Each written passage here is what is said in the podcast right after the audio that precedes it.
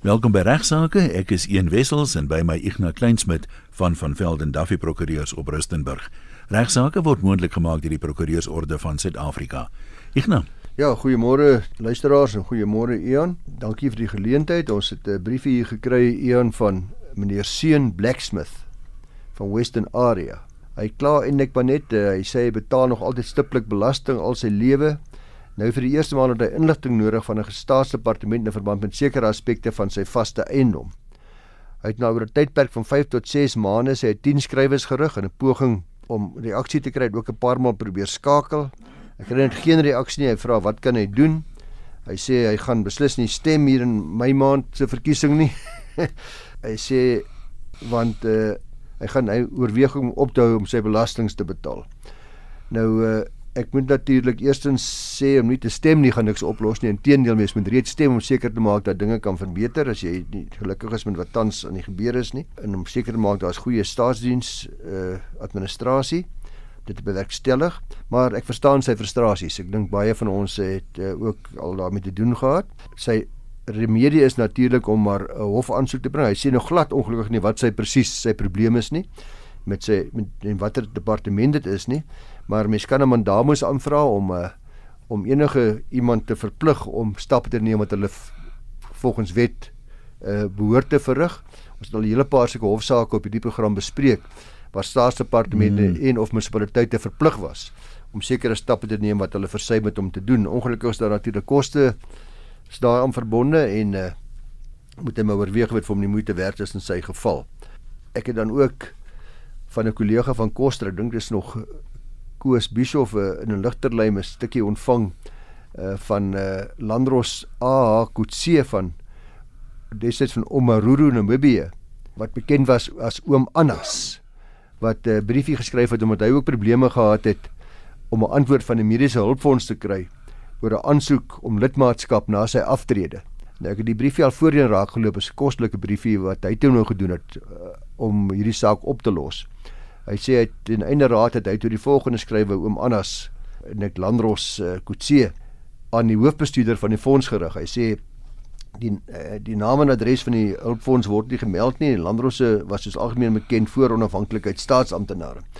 Sy nou ook 'n staatsamptenaar was ek altyd skepties oor die storie van die leeu wat homself tuis gemaak het in 'n kelder in die Unie gebou en vir jare lank elke dag 'n staatsamptenaar opgevreet het.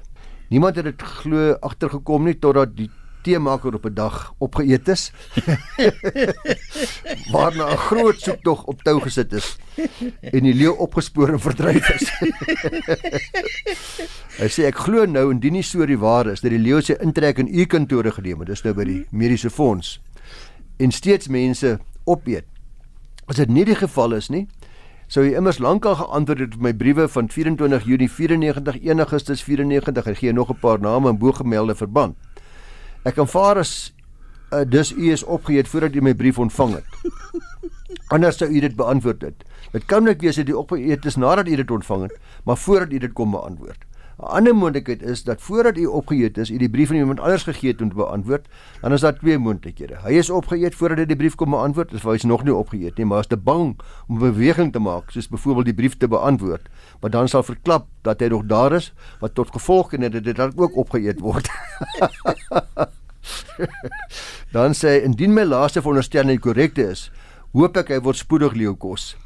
Ek weet nie waarom ek hierdie brief skryf nie, maar daar's blykbaar niemand in u kantoor wat 'n brief kan beantwoord nie, maar wie weet, met leedwese Landros A Kutse om Maruru Namibië. Wat 'n mooi briefie.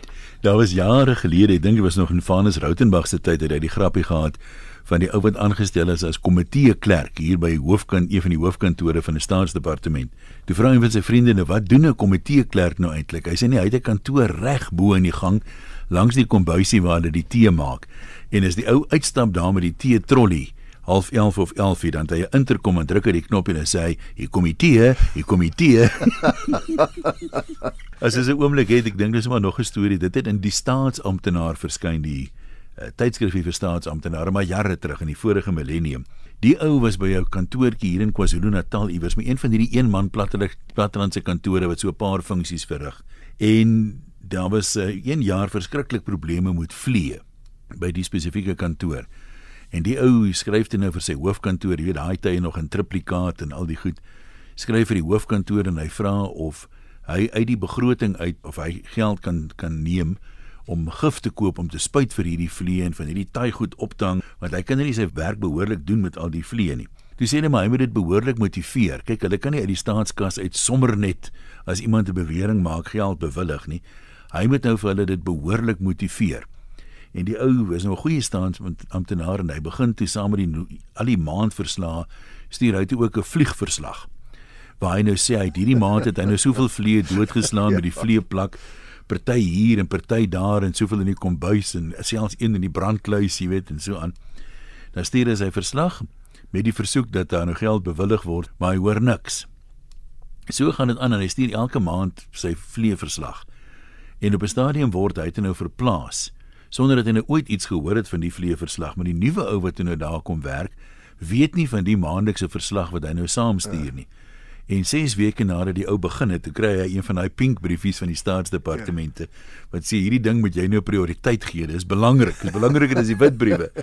Die brief sê toe maar Nadat hy nou 6 weke terug diens aanvaar het by die kantoor, is sy vleeverslag nou reeds 2 weke uitstaande en hy moet dit se muur regstel binne die volgende 7 dae. Ai tog. Netinus Groblaar van Tuigrevallei sê hy werk vir 'n maatskappy met verskillende takke in die land. Hy is al amper 8 jaar in die Wes-Kaap. Hy het 'n huis gekoop, sy oudste seun is nou in graad 11 sê hy. Hy het nou pas gehoor dat hy verplaas is na die tak in die Vrystaat. Hierdie brief het hy geskryf in November sien ek Desember 2018 en hy siels ongelukkig. Hy vra verskeie vrae wat dui op sy frustrasie en onwilligheid om te verhuis, maar sê dan ook uiteindelik dat hy besef dat hy waarskynlik geen keuse het nie. Aangesien dit wel 'n promosie is en omdat sy dienskontrak aandui dat sy werkgewer hom kan verplaas na enige tak in Suid-Afrika. Die een vraag wat hy wel vra, is of hy dan self die verhuisingskoste moet betaal en wat van die verliese wat hy moontlik gaan ly as hy nou sy huis moet verkoop terwyl die mark baie swak is? En dan vra hy ook oor uitgawes met nuwe skoolklere wat hy nou vir sy kinders moet koop ensovoorts ensovoorts. En meneer Groblaar, eh, soos u weet of die luisteraars weet, ek is nie 'n arbeidsregkenner nie, maar die skrywer is dit baie duidelik dat u dienskontrak dit baie duidelik maak dat u werkgewer geregtig is om u te verplaas na 'n ander tak. Natuurlik het ons almal simpatie met die ontwrigting wat dit teweegbring. Natuurlik staan dit vry om die voor- en nadele op te weeg en dan dalk te besluit om 'n ander werk te aanvaar of aan te bly in Tygervallei dis persoonlik oorweging, maar weet ons almal dat dit nie so maklik is om tans nuwe betrekkings net te kry nie, as jy jou werk verloor nie. Die betrekking oor die verhuisingskoste, dit wil sê die werklike kostes van die trek vanaf een dorp na 'n ander dorp sou ek raai dat die werkgewer uh daarvoor aanspreeklikheid sal aanvaar omdat die vers, verskuiwing op die werkgewer se versoek plaasvind. Dit sal dan ook net billik wees. Dit gebeur dikwels so in die gevalle wat ek uh, ook die arbeidsreg persone in ons kantoor gevra het. Dit gebeur ook dikwels dat dieselfde trekkoste betaal en dan word vergoed word deur die werkgewer. Die slegte nuus is dat die kleiner en onwrigtende kostes soos byvoorbeeld nuwe skoolklere, die betaal van eiendomsagente, die betaal vir die huurregte op 'n nuwe woning wat jy gaan aankoop, die verlies wat jy moontlik gaan ly tussen die twee huise wat jy nou verkoop en koop, waar jy volle verlies is. Dit gaan uit jou eie sak wees. Uh behalwe as dit kragtens u dienskontrak, u toekoms. So belangrik is wat die bepalinge van die dienskontrak is oor al hierdie aspekte. By groter maatskappye het ek dikwels in die dienskontrakte gesien word dit 'n groot detail uitgespel presies waarop werknemers geregtig is en waarop nie. Die enigste goeie nuus wat ek vir u het is uh, dat daar wel sekere belastingvoordele is. Die belastingwetgewing maak baie spesifiek daarvoor voorsiening dat enige toelaag of bedrag wat u ontvang vir hervestiging vanaf een werk na 'n ander werk nie belasbaar is nie dat dit nie beskou word as 'n voordeel of 'n byvoordeel waarop u belas moet word of kan word nie. Dit sluit in die trekkoste. Dit sluit in byvoorbeeld eiendomsagentskapsfooie, dit sluit in kosse as jy dit om 'n nuwe woonhuis te kry, so die verbandsfooie, hereregte, al die dinge. Ook die huur van tydelike akkommodasie vir 6 maande uh, word ook ingesluit. Dit sluit in nuwe skooluniforms. Maar let wel, dit beteken nie dit is alles deur die werkgewer betaalbaar nie, soos ek reeds nou gesê het, dit sal afhang van die kontrak en ooreenkomste wat jy het nie, maar minstens as jy dit self sal betaal, gaan jy daarop belastingvoordele ontvang omdat alles wat deur die werkgewer in hierdie verband betaal word, beskou sal word as vrygestelde inkomste. Soos jy weet is die meeste ander byvoordele wat iemand van 'n werkgewer ontvang normaalweg natuurlik belasbaar. Nou ons het net gepraat van staatsamptenare. Daar was in die staatsdiens altyd wat hulle genoem het 'n gordyn toelaag. Tegnies nou om gordyne ja. te kry vir jou nuwe jou nuwe huis want dit die die vensters is nou groter of kleiner. wat maar seker 'n tipe van 'n vestigingstoelaag is, maar ek kan glad nie onthou of dit 'n beduidende bedrag was of nou maar net 'n paar rand nie.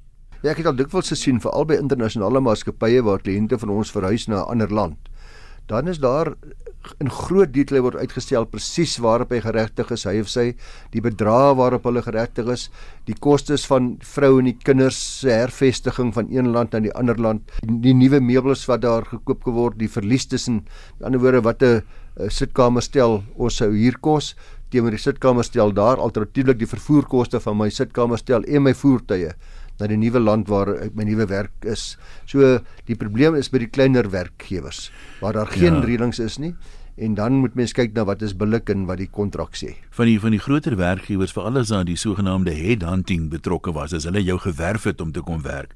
Ja. Dan moet ek sê as die ouens nogal bereid om uit te haal en te wys want ek weet persoonlik van gevalle waar mense 'n paar honderd duisend rand gekry het vir die ongerief om te trek. Dikwels is hulle selfs bereid as dit die middel van die jaar is jy sê maar as ek gebly het by my ou werk tot die einde van die jaar so ek 'n 100 000 rand bonus gekry het dat hulle selfs daai bonusse vir jou vroeg uitbetaal asof jy die jaar reeds ja, gebly het so. selfs jy weet die die kostes wat jy het om kom vir die onderhoud word dikwels ook betaal wat vliegtuigkoste kan insluit verblyf akkommodasie die soort van dinge. So wanneer mense in 'n sekere klas van werkgewer uh, situasie is waar daar groot koöperatiewes is word daar baie duidelik uitgespel wat die voordele gaan wees Ek het so rukkie terug 'n navraag ontvang luisteraars raak in die regsposisie waar die minderjarige kinders se verhoudings met hulle ouers agteruit gegaan het en hulle wil hulle ouers huis verlaat by 'n ander party te woon. Dit gebeur baie in die tienersfases. Daar raak die kinders rebels en hulle kom nie met ma en pa oor die weg nie en nou wil hulle hulle ouer huis verlaat en die vraag is wat is die ouers se regte in so 'n geval en hoe kan dit afgedwing word? Hoe kan ek my kinders doodnoodig verbied? Kan hierdie kinders enige regte in hierdie verband? Nou, ek dink dis 'n aanvang is belangrik om te noem wat ons kinderwet, dis die 2005 wet, wet 38 van 2005 beskou word as een van die mees progressiewe ter wêreld dat dit bied omvattende beskerming vir die regte van beide kinders as ook ouers. Regtig 'n goeie wet wat eh, die lig gesien het na baie deeglike navorsing dink ek. Verder dink ek kan ek ook sonder vrees vir teespraak sê as ons kinderhowe wat deur hierdie kinderwet geskep is en by meeste van ons landdroshowe sit op so 'n manier ontwerp en saamgestel dat dit werklik toeganklik en gebruikersvriendelik is vir die publiek. Uh belangrik is dat 'n ouer wie se kontak tot sy of haar kind op enige wyse verondrie word, kan dus ter enige tyd die kinderhof nader ten einde ondersoek instel en die posisie indien dit na wense is kan deur die kinderhof dan reggestel word. So jy moet hoef nie te gaan met met uh Hooggeregs of aansoeke deur prokureurs en advokate ensovoorts as jy voel dat jou kontakregte te nagekom word nie. Jy kan die kinderhof direk nader. Uh belanghebbende partye wat natuurlik die kinders mag insluit afhangende van van hulle ouderdom sal dan gedagvaar word om die verrigtinge by te woon en hulle sake te stel in die kinderhof. Enige besluit wat volgens wat vervolgens dan deur hierdie hof gemaak word in verband met die kind sal altyd ooreenkomstig die beste belange standaard uh gemeet word. Dit is daarvoor word voorsiening gemaak in artikel 7 van hierdie kinderwet dat die beste belange standaard altyd die boetoon moet voer.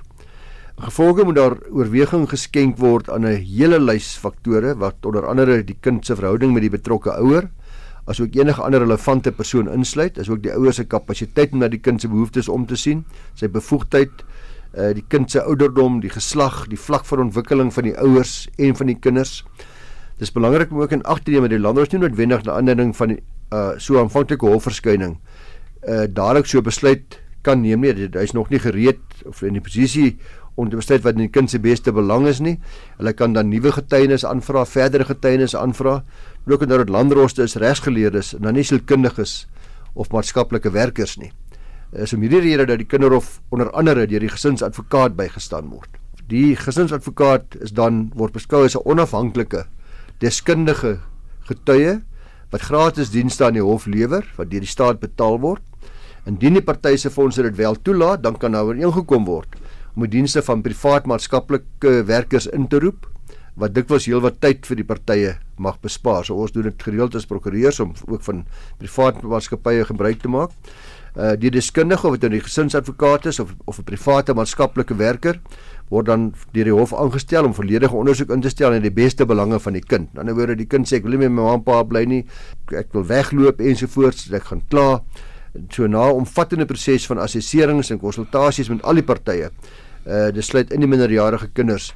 Dan eers sal die gesinsadvokaat hulle verslag lewer aan die hof wat aanbevelings in die hof maak rakende die primêre versorging en die uitoefening van kontakregte met hierdie kind. En so op en dis ook belangrik om te kyk na bepalinge van artikel 10 van die wet.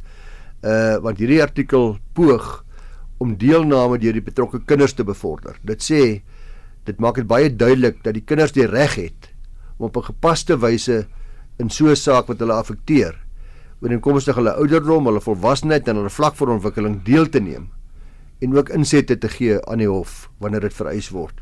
So 'n ouer wat deur 'n derde party van hulle regte in aansien van hulle kind onneem word, die gewone praktiese geval is hierso my kinders loop weg en hulle gaan bly by Jannie en Sunny.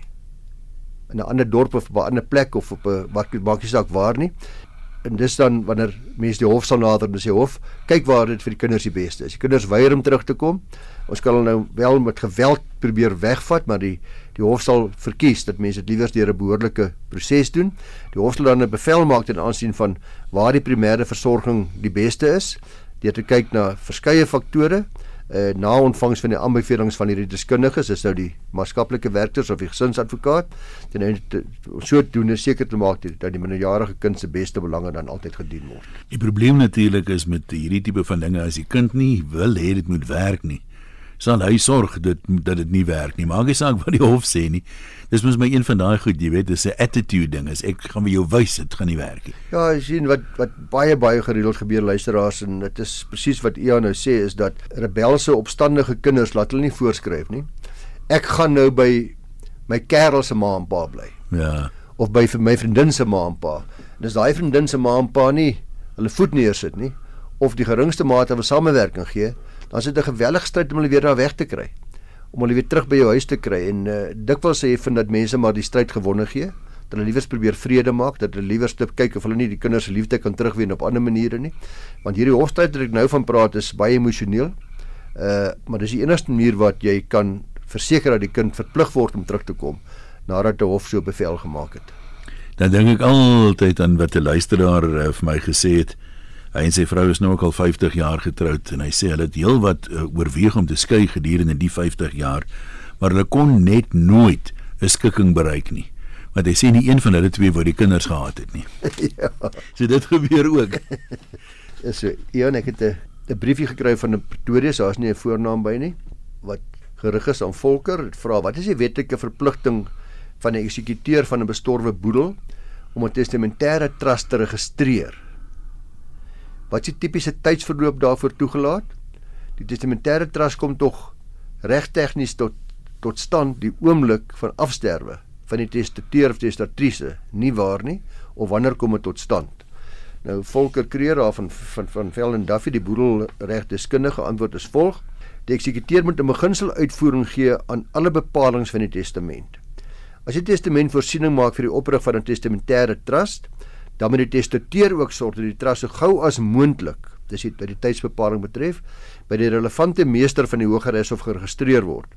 Die eksekuteur hoef dus nie te wag totdat die boedelbereddingsproses die hele testament afgehandel is nie, voordat die testamentêre trust geregistreer word, hy moet dit doen so gou as moontlik.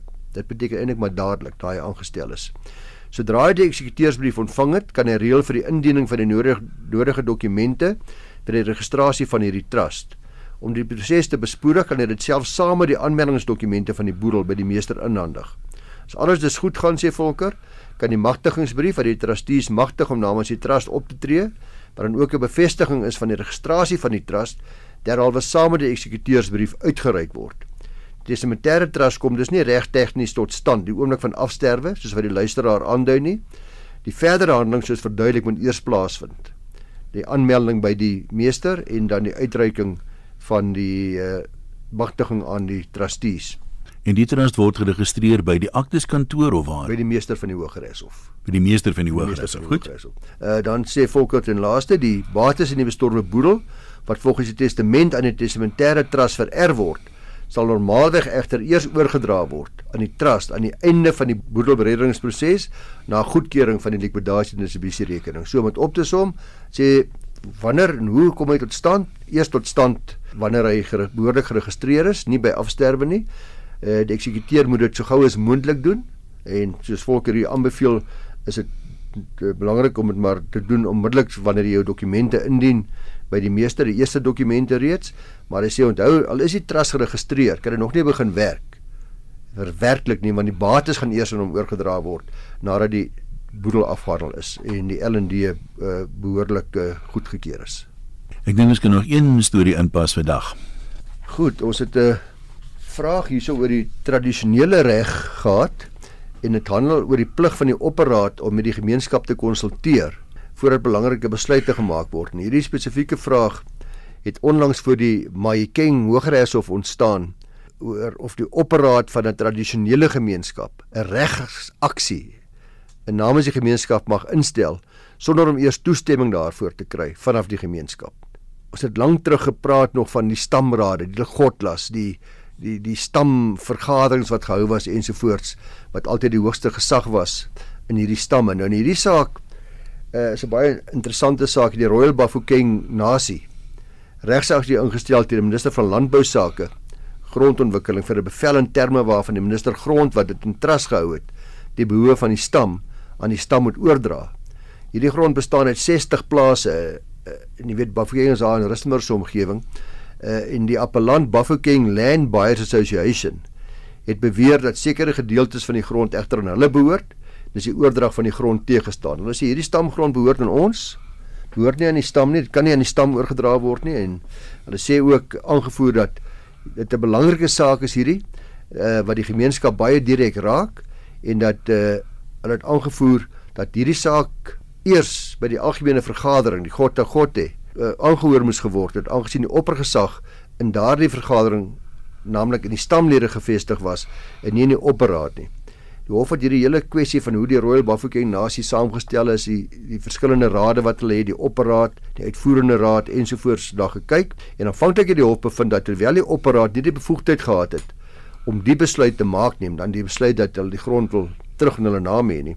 Die uitvoerende raad van die nasie wel die bevoegdheid gehad het. So die opperraad het nie die bevoegdheid gehad nie, maar die uitvoerende raad het wel die bevoegdheid gehad. Uh hierdie raad is deel van die opperraad en uh die hof sê dit Die besluit was dus regmatig.